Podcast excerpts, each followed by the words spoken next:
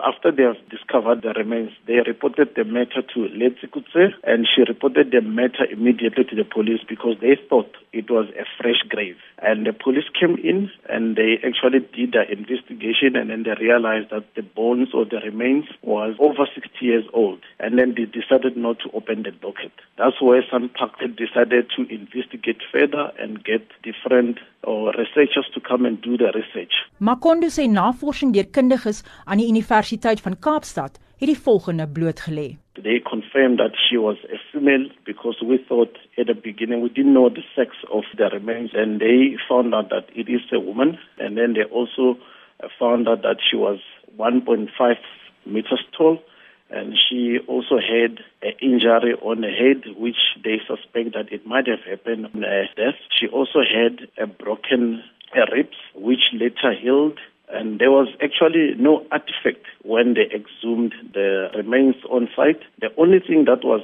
in that grave was like a small bones which they uh, found that it is for a frog and some few bones which they think is for a dassy. Hy sê dit was moeilik om te bepaal of die vrou van die Khoi of San voorsate was. Tradisionele leiers het haar San geëien aan die manier waarop sy op haar rug met haar knieë tot teen haar ken begrawe was. Makondo sê dit was belangrik om die oorskot op 'n waardige manier te begrawe. This woman was an Asian woman, so it has to be done in a dignified way whereby I mean the soil or the remains is taken back to the grave and buried in a very respectful way. So it is very important that we have to stick to our African tradition as well as heritage uh, tradition of Africa.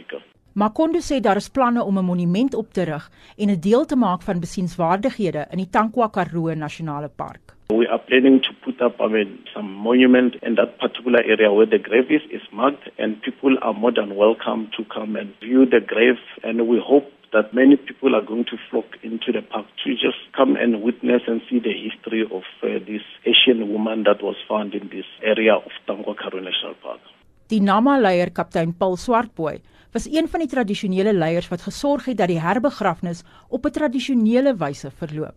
Hy verduidelik hoekom sy die naam Madawas gekry het. Ons het uh, volgens ons tradisionele gebruike uh, mag dit dalk vir ander mense net beender wees Maar wanneer ons terugstap in die antieke geskiedenis van Suid-Afrika, dan praat ons van mense en omdat sy teruggegee is, het ons nou 'n besluit om die naam te gee aan een van ons oudstes, by naam van Willem Dammere, ook 'n taalkundige. Het dan hierdie naam vir ons uitgelê, dit was wat beteken teruggegee, ook as 'n geskenk. En ons het uh, eenparig het ons hierdie naam aanvaar en dit aan die park bestuur en die rolspelers so oorgedra.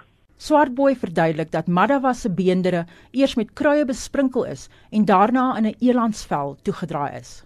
Ons het dit nou verder verseël met rieme in 'n soort van 'n koffin, maar 'n antieke koffin of kus het ons dan gemaak en waarna ons dan weer uitgekom het en die skare mense het ons was aan gelei na die area waar ons haar gaan aarde bestel het by hierdie geleentheid het dit weer die proses gelei waar Petrus Salboy die graf gesien het ook met krye en uh, Willem Damara en dan in die oeroue Namakoba het hy gepraat by hierdie geleentheid waar hy haar teruggesit het in die aarde en en ook gesê die geskiedenis van die Afrika mens moet altyd oorvertel word. Dit mag nie verlore gaan nie. Hy het ook 'n versoek gerig dat die graf 'n monument kry en die Khoi en San dit as deel van 'n pelgrimsroete sal beskou om hulle se wortels te herontdek en te weet dat hulle uh, antieke kinders is van Afrika. So hierdie tydlose geskenke soos Madawas en alle ander oil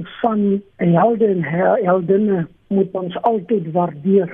Dit was die Nama leier kaptein Paul Swartboy. Ek is Annelien Moses vir SAK nuus.